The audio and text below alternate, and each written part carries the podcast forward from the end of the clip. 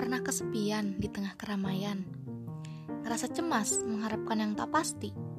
Atau iri hati lihat wajah para bintang film? Tenang, sepertinya 90% orang dunia pernah mengalami hal serupa. Dan selamat, itu artinya kamu normal.